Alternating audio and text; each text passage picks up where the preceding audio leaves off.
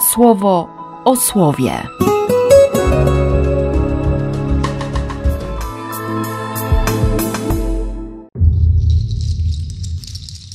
Dwudziesty stycznia, czwartek. Z pierwszej księgi Samuela. Kiedy skończyła się rozmowa z Saulem, Jonatan poczuł wielką przyjaźń do Dawida. Jonatan polubił go całą swą duszą. Tego dnia Saul zatrzymał go u siebie i nie pozwolił mu wrócić do domu ojca. Jonatan zawarł z Dawidem przyjaźń, bo go polubił z całej duszy. Jonatan zdjął z siebie swoje wierzchnie okrycie i dał je Dawidowi, a także swój wojskowy płaszcz razem z mieczem, łukiem i pasem. Dawid wyruszał we wszystkich wyprawach, jakie zlecił mu Saul, i spełniał je z powodzeniem. Saul zatem ustanowił go zwierzchnikiem mężów zajmujących się wojną i był lubiany przez cały lud i przez dworzan Saula. Z wszystkich miast Izraela wychodziły na powitanie Dawida tancerki z bębenkami w radosnym nastroju i z kymbalonami, a kobiety śpiewały mówiąc Saul rozgromił tysiące, a Dawid dziesiątki tysięcy. Wymowa tych słów wydawała się oczom Saula nieżyczliwa. Mówił, Dawidowi przyznały dziesiątki tysięcy, a mnie tysiące. Od tego dnia Saul patrzył podejrzliwie na Dawida. Saul mawiał do Jonatana swojego syna, a także do wszystkich swoich dworzan, że trzeba zabić Dawida. Jonatan jednak, syn Saula, bardzo lubił Dawida. Jonatan ostrzegł Dawida, mówiąc: Saul chce cię zabić. Strzeż się jutro rano. Najlepiej ukryj się gdzieś i siedź tam w kryjówce. Ja pójdę i będę się trzymał mojego ojca w tej okolicy, gdzie ty będziesz przebywał. Zacznę mówić o tobie do mojego ojca i wtedy zobaczę, co będzie. Potem powiadomię cię o tym. I zaczął Jonatan mówić dobrze o Dawidzie do Saula, swojego ojca. Tak mu powiedział: Niech król nie popełni jakiegoś błędu w stosunku do Dawida, swojego sługi. On bowiem nigdy nie uchybił tobie. Jego postępowanie jest bardzo dla ciebie życzliwe. Przecież on swoje życie zawierzył swojej słabej ręce, by zabić owego obcoplemieńca. Dzięki temu Pan dał wielkie ocalenie. Cały Izrael to widział i napełnił się radością. Dlaczego chcesz popełnić grzech na niewinnej krwi, zabijając bez powodu Dawida? Saul wysłuchał do końca słów Jonatana, a potem Saul nawet się zaprzysiągł, mówiąc: Na życie Pana, on nie zostanie zabity. Wtedy Jonatan przywołał Dawida i powtórzył mu wszystkie te słowa. Potem zaprowadził Jonatan Dawida do Saula i był tam przy nim jak wczoraj i przedwczoraj. Z Ewangelii według świętego Marka.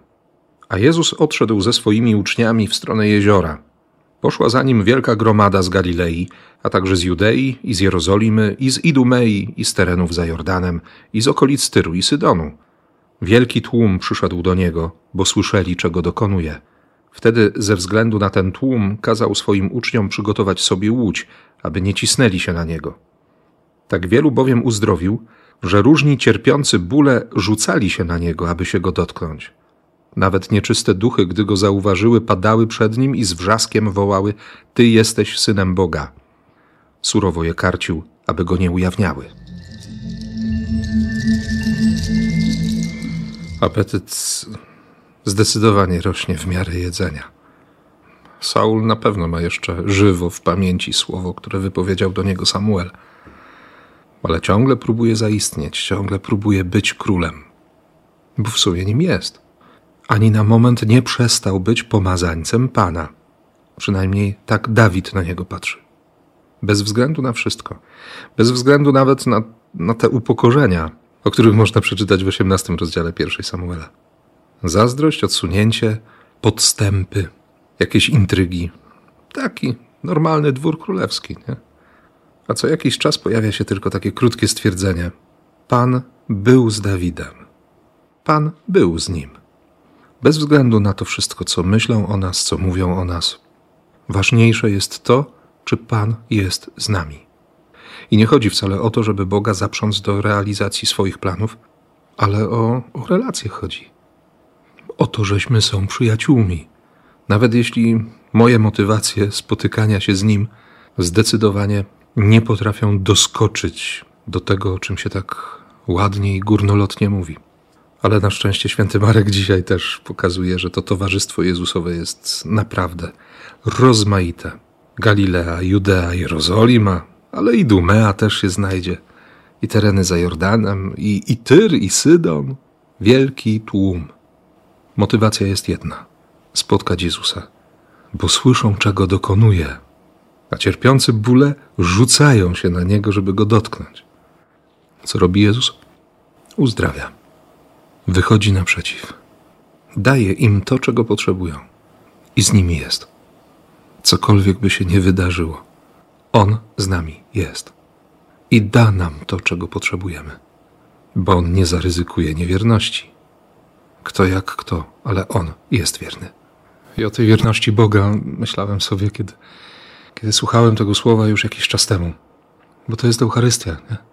Owszem, pojawi się pytanie o moją motywację, o to, po co tutaj jestem, po co wchodzę w Eucharystię. Ale nawet taka motywacja, jaką miało tamto towarzystwo Jezusowe. Widzieli znaki, chcieli uzdrowienia, rzucali się na Niego, bo, bo chcieli zdrowia. Jeśli mam sobie taką determinację, kiedy, kiedy staję przed Nim, nie? Kiedy, kiedy przychodzę, kiedy jestem, On to wykorzysta. On poprowadzi w górę. On oczyści. Bylebym nie stracił tej werwy. I żebym nie przestał wierzyć. Żebyśmy nie przestali wierzyć, że jest Bogiem. Jest Bogiem naprawdę bliskim. I tego doświadczenia Ci dzisiaj życzę, i tej pewności, że On jest. Wbrew wszystkim ludzkim opiniom. Odwagi. W imię Ojca i Syna i Ducha Świętego. Amen. Słowo o słowie.